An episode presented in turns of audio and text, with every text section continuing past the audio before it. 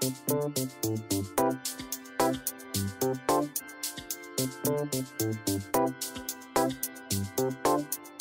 Anda, hampir 10% penduduk Indonesia mengalami masalah gangguan tidur.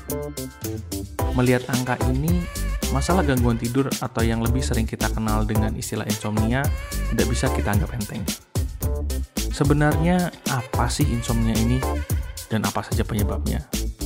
Kemudian, apakah memang diperlukan obat untuk mengatasi insomnia? Untuk menjawab semua pertanyaan itu, yuk mari dengarkan obrolan kami di sesi ini dengan Dr. Ade Kurnia Surawijaya, spesialis kedokteran jiwa dari Rumah Sakit Jiwa Provinsi Jawa Barat. Selamat apa nih? Selamat sore dokter. Kita recording sore ini soalnya ya. ya. Selamat sore. Gitu. Nah, jadi gini dokter, kenapa kemarin uh, kami mengundang dokter Ade ini soalnya ada topik yang um, apa ya umum jamak sering kita temuin sekarang ini topik hmm. soal insomnia. Wah asik tuh. Ya, sering tuh. Sering banget kan. ini iya. insomnia itu jadi apa ya kalau kalau bahasanya milenial sekarang itu sesuatu yang hype penyakit tapi hype gitu. Nah sebenarnya ketika orang ngomong insomnia itu emang insomnia itu apa sih dokter penyakit kah atau apakah? Jadi insomnia tuh memang gangguan sih, gangguan kita sebutnya gangguan tidur. Insomnia itu ya karena memang orang jadi nggak bisa tidur. Ya kita hitungannya dari awal nggak bisa tidur atau dia untuk mempertahankan tidur atau memang dia ngerasa kualitasnya dalam tidurnya juga nggak gitu baik. Biasanya sih berlangsung sekitar ya dalam satu bulan sampai lebih dari tiga kali dia nggak bisa uh, tidur seperti itu. Oh, berarti mm-hmm. yang dikatakan sebagai uh, insomnia ini adalah gangguan tidur berarti baik. Ya. Gangguan untuk tidur maupun gangguan tadi mempertahankan kondisi tidurnya ya dok ya. Ya, dan kualitasnya. Oh, oke. Okay. Tentunya. Mm-hmm. Oke, sebenarnya ketika ngomong tadi terutama gangguan soal kualitas di level seperti mm-hmm. apa kita ngomong bahwa uh, gangguan tidur, gangguan uh, aktivitas tidur kita tuh dikatakan sebagai sebuah sebuah gangguan yang cukup serius akhirnya sampai kita katakan sebagai insomnia. Hmm, kalau misalnya memang dari awal dia nggak bisa tidur, sulit untuk memulai tidur, Lalu untuk mempertahankan tidurnya pas sudah tidur tapi kebangun-kebangun. Dan kalau mengenai kualitas, kalau misalnya sudah tidur terus uh, bangun, bangunnya ngerasa nggak seger, rasanya kok kayaknya masih ngantuk atau malah uh, terlalu nggak nyaman banget buat badan. Dan pada akhirnya juga kita bilang kualitasnya nggak gitu bagus. Oke, dan dan hmm. itu harusnya itu kan di, di apa kita sendiri yang bisa merasakan akhirnya kualitas itu ya, ya kalau kualitas mah mm, tergantung dari uh, kliennya kalau misalnya kliennya nggak puas untuk tidurnya ngerasa nggak puas ya itu kita masukkan ke dalam kualitas tidurnya memang terganggu nah, terus gini dokter kenapa hmm. kami ini pengen ngobrol sama dokter dokter yang hmm, spesialis kedokteran uh, jiwa ini jiwa karena insomnia ini kan seringnya itu kalau uh, apa ya yang terjadi yang terjadi itu insomnia itu menurut bahasa saya itu adalah sebuah gangguan yang biasanya di di self diagnose dan saya self treat. Jadi didiagnosa sendiri. Yeah. Terus berusaha diobati sendiri karena ya satu sekarang kan juga uh, ada obat-obat di pasaran yang yang dijual dengan dengan janji meningkatkan kualitas tidur dan sebagainya. Yeah. Terus kemudian yang kedua ini yang uh, ini pertanyaan yang kenapa kami pengen ngobrol dengan dokter Adi. Orang itu takut punya punya ketakutan ketika dia mengalami gangguan tidur yang bisa dikatakan serius gitu loh. Nah, yeah. sebenarnya uh, apa ya harusnya gimana karena ketakutan orang itu terutama adalah nanti kalau saya ke dokter saya dikasih dikasih resep, dikasih obat, nanti saya ketergantungan obat. Nah, pertanyaannya adalah di level mana sebenarnya akhirnya ketika gangguan tidur itu kita sebaiknya pergi ke profesional, bukan didiagnosa atau diobati sendiri. Hmm. Jadi kalau pertanyaan yang uh, harus uh, kapan ke profesional, sebenarnya memang tergantung dari uh, cara untuk self diagnosisnya atau cara mengetahuinya, dilihat tanda dan gejala yang dialami. Jadi kalau memang sudah ngalamin ketidaknyamanan untuk memulai tidur, lalu nggak bisa tidur, uh, udah tidur kebangun-kebangun, dan ngerasa kualitasnya nggak nyaman, dan apalagi kalau sudah mengganggu dalam fungsi kerja, fungsi sekolah, fungsi untuk interaksi sosial, udah ngerasa terganggu, alangkah lebih baik lebih uh, untuk ke profesional untuk dibantu. Soalnya belum uh, kalau misalnya memang masih bisa uh, dibantu sama obat-obatan yang ringan kayak misalnya yang dijual di pasaran nggak ada masalah. Tapi biasanya karena sudah sudah menggunakan obat-obat itu tapi memang nggak bisa, untuk jadi lebih baik, ya memang harus ke profesional. Saya rasa seperti itu. Gitu ya, karena mm uh, ya ya karena akhirnya ya memang itu obat-obat di pasaran yang ya kalau kalau bahasa bahasanya mungkin kita masih coba-coba ternyata nggak belum ngefek mungkin ya atau memang ya, belum belum menolong. Belum menolong. Hmm. betul betul karena uh, pertanyaan jadi gini dokter. Sebenarnya ketika hmm yang sering terjadi itu adalah ketika orang orang terkena uh, gangguan tidur atau mengalami gangguan tidur itu mm-hmm. um, yang menjadi diagnosa uh, awalnya biasanya oh stres. Oh apa namanya mungkin kepikiran pekerjaan atau kalau yang paling sering mungkin putus cinta. Mungkin. Wah nah itu. cinta mah tidak gangguan tidur biasanya tidur terus. Tidur terus gitu ya. Nah, itu itu akhirnya kenapa nggak mau ngapa-ngapain nah, nggak ya? mau ngapa-ngapain kan. Nah itu makanya pertanyaannya adalah ketika kita pergi yeah. profesional ke terutama ke spesialis mm-hmm. kedokteran jiwa uh, sebenarnya insomnia yang terjadi yang terjadi di uh, kebanyakan orang ini menurut menurut yang apa pengalamannya dokter juga apa sih yang terjadi? Kok orang bisa akhirnya uh, mengalami gangguan tidur? Bahkan sampai yang akut bisa dia berhari-hari mungkin terjaga atau gimana tuh sebenarnya karena apa dok?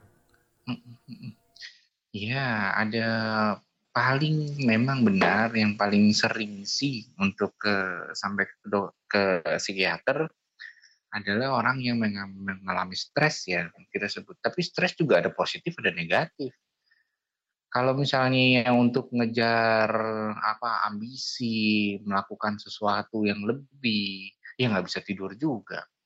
Terus mau sedih, cemas, nggak nyaman, nggak bisa tidur juga. Dua-dua sama-sama stres, mau positif mau negatif juga nyebabin nggak bisa tidur juga sih. Cuma memang paling sering yang memang paling nggak nyaman adalah ya kalau memang ngalamin kecemasan atau ngalamin depresi yang paling sering ke psikiater mah yang sampai butuh obat, butuh untuk penanganan lebih lanjut. Nah, karena memang sudah mengalami gangguan fungsi, fungsi hidupnya seperti itu sih. Oh, nah akhirnya kalau terus akhirnya ketika ngomong soal penanganan nih, nah balik ke ketakutannya orang-orang tadi itu kan karena ketergantungan untuk ketergantungan sama obat. Karena hmm. ada anggapan kalau ketika saya mengalami insomnia yang akut atau insomnia lah, -hmm. terus saya ke dokter, -hmm. saya diberi obat, saya takutnya nanti kalau nggak minum obat nggak bisa tidur. Nah, sebenarnya ketika seseorang yang mengalami insomnia, apa pun itu penyebabnya, apa pun itu penyebabnya. Ya. Ketika datang ke profesional itu treatment yang diberikan oleh seorang dokter itu apa sih yang di yang di apa ya istilahnya yang mm-hmm.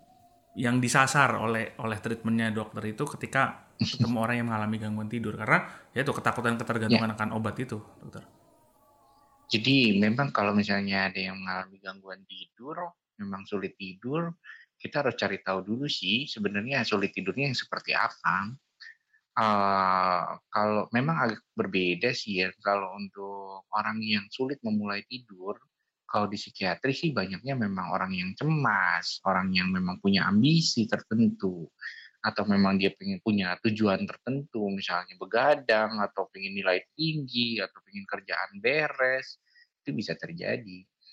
Lalu kalau misalnya habis ditanya gitu, dan, dan obat dan untuk mempertahankan tidur misalnya udah tidur tapi sering terbangun atau mimpi buruk itu biasa terjadi pada orang-orang yang memang depresi orang yang uh, yang punya yang tadi dibilang putus cinta susah move on dan lain sebagainya juga bisa terjadi seperti punya pengalaman traumatik tapi lah. kalau, ya pengalaman traumatik memang ketidaknyamanan yang terjadi ya bisa bisa sulit untuk mau mempertahankan tidur.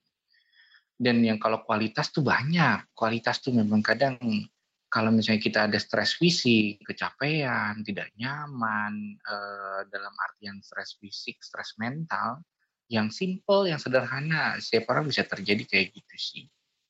Eh, untuk kualitas tidurnya terganggu hmm, setelah kita cari tahu uh, penyebabnya uh, apa, uh, mulai mungkin memberi, memberitahu uh, si klien itu sendiri memberitahu sebenarnya awalnya bagaimana, sejak kapan. Uh, kalau misalnya baru baru-baru saja, cuman dalam satu bulan baru satu kali, dua kali kita nggak sebut insomnia sih, nggak bisa sebut itu gangguan, karena memang apalagi kalau misalnya belum ada gangguan fungsi, kita nggak sebut itu gangguan insomnia.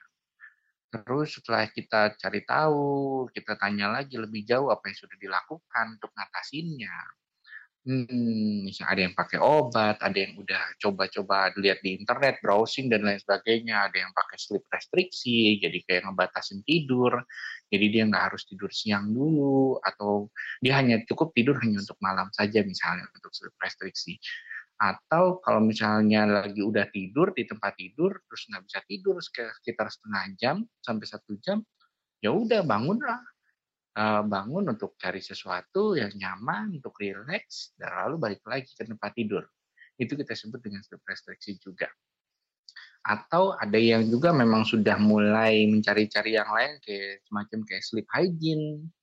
Jadi sebelum tidur dia harus nyaman dulu, pakai dengerin radio atau nyegerin uh, lagu-lagu yang nyaman atau dia senengi dan uh, dan aromaterapi juga bisa atau minum susu coklat katanya kan katanya bisa membantu yeah, juga yeah. karena memang ada suatu zat tertentu yang memang jadi lebih nyaman lebih rileks gitu. Ya. atau maka hmm, hmm, atau uh, ada obat-obatan tertentu misalnya yang dari uh, orang bilang si herbal tapi ya sama aja isi kimia juga ya entah pakai melatonin entah dia pakai semacam wheat atau uh, obat-obatan yang memang nyaman juga untuk bantu tidur itu juga bisa dilakukan. Untuk sleep hygiene yang lain, mungkin lampu diredupkan untuk nambahin melatonin dalam tubuh sebagai uh, hormon yang untuk siklus tidur bangun.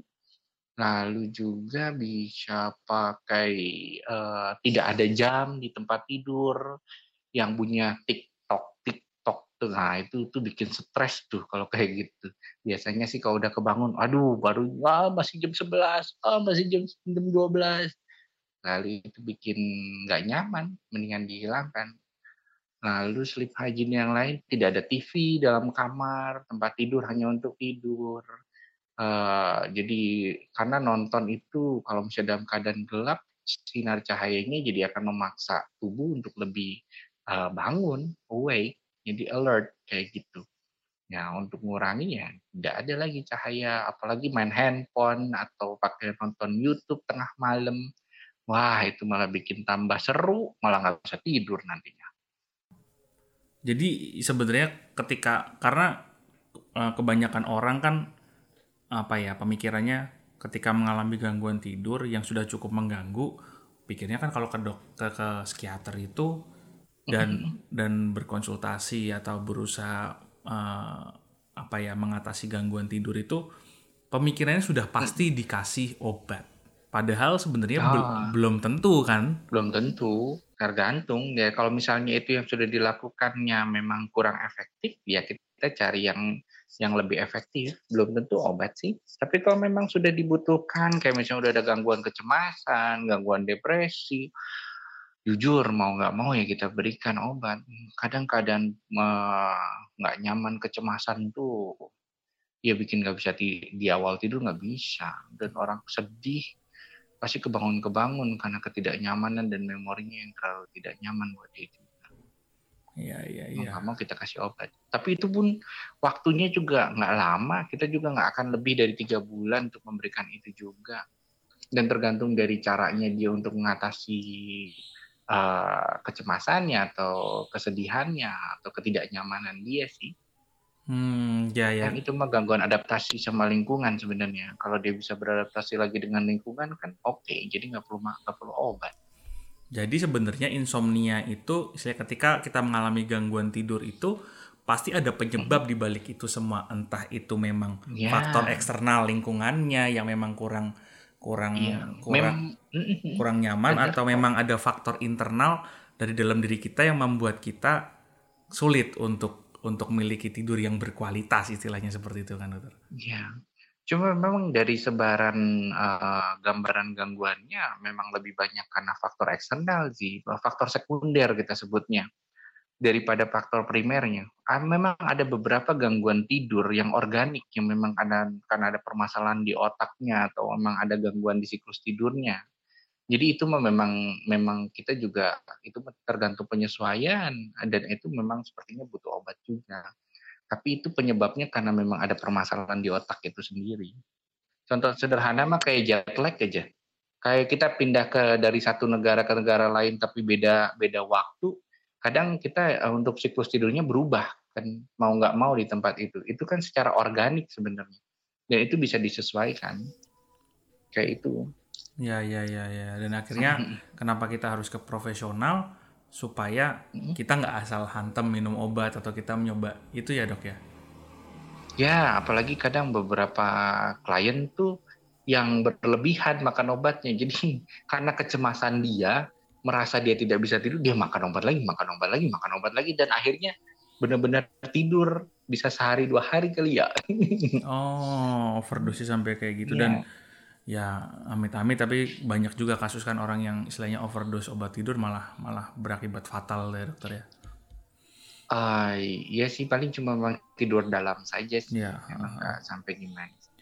Ya, ya, ya. Nah, dari tadi kita kan udah ngomong soal gangguannya, terus kemudian hmm. faktor dan cara itu. Sebenarnya nih, ini kan kalau dari tadi kita ngomong mungkin buat buat pendengar yang atau kita kita yang sudah ada antara mengalami gangguan tidur atau merasa mengalami gangguan tidur. Nah, ini kalau dari dokter ada nggak tips atau kira-kira guidance lah sebenarnya uh, pola tidur yang baik tuh gimana? Misalnya bagaimana supaya kita bisa memiliki pola tidur yang baik, memiliki kualitas kualitas tidur yang baik. Apa yang harus kita lakuin sih? Baik itu dari hmm. dari eksternalnya kita atau lingkungan tempat tidurnya kita atau atau dari diri kita sendiri. Apa yang bisa kita lakuin, dokter? Iya, sebenarnya tidur tuh alamiah sih sebenarnya.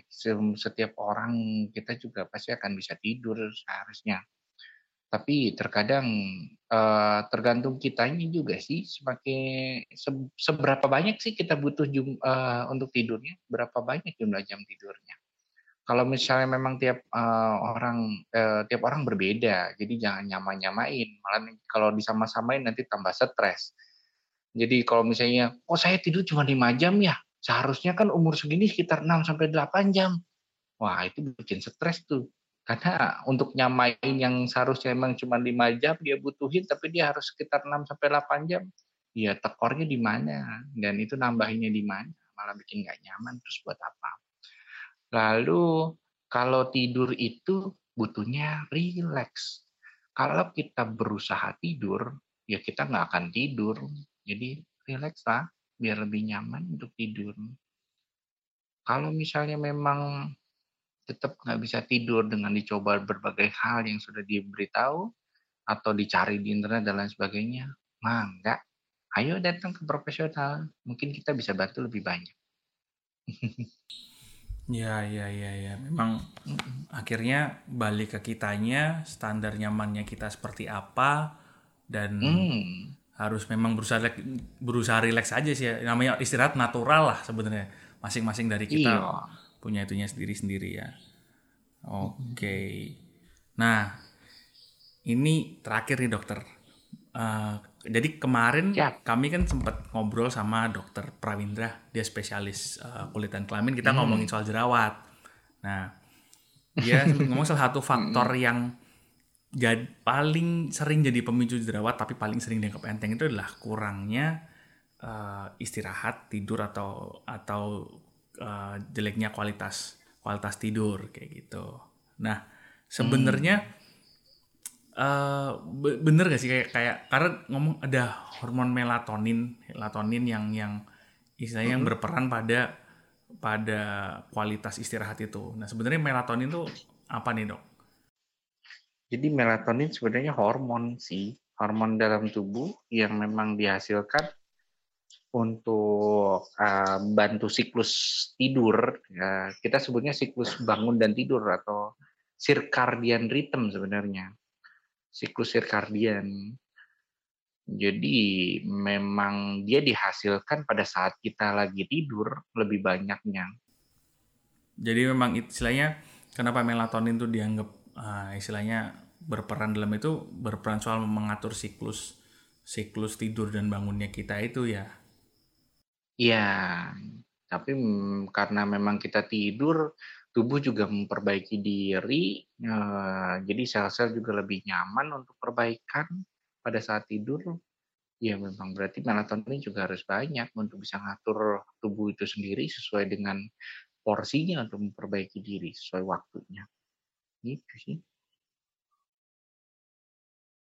Udah banyak banget nih info yang kita dapat hari ini dari dari dokter Ade dari soal apa itu insomnia, soal faktor-faktornya dan dan cara penanggulangannya dan yang menarik ini hari ini pelajaran yang paling menarik yang saya dapat hari ini adalah jangan takut ke profesional karena justru dengan ke profesional kita bisa tahu sebenarnya faktor apa yang membuat kita mengalami gangguan tidur gitu ya dok? Ya, jadi lebih mengenal. Saya kalau kita kenal lebih jauh kan, kalau perang mah jadi lebih cepat menangnya.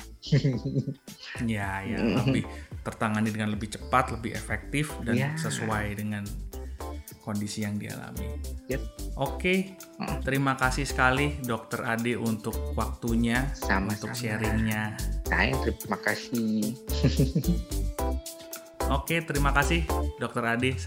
Sampai ketemu. Sampai ketemu. Untuk Anda yang ingin bertanya lebih lanjut mengenai topik sesi kali ini atau mengobrol dengan tim dokter di podcast dokter pribadi atau bahkan ingin menyampaikan saran mengenai topik-topik yang ingin dibahas di sesi-sesi selanjutnya, sapa kami di Instagram karena sekarang podcast dokter pribadi punya akun Instagram di @dokter.pribadi.official. Sekali lagi akun Instagram kami ada di @dokter.pribadi.official.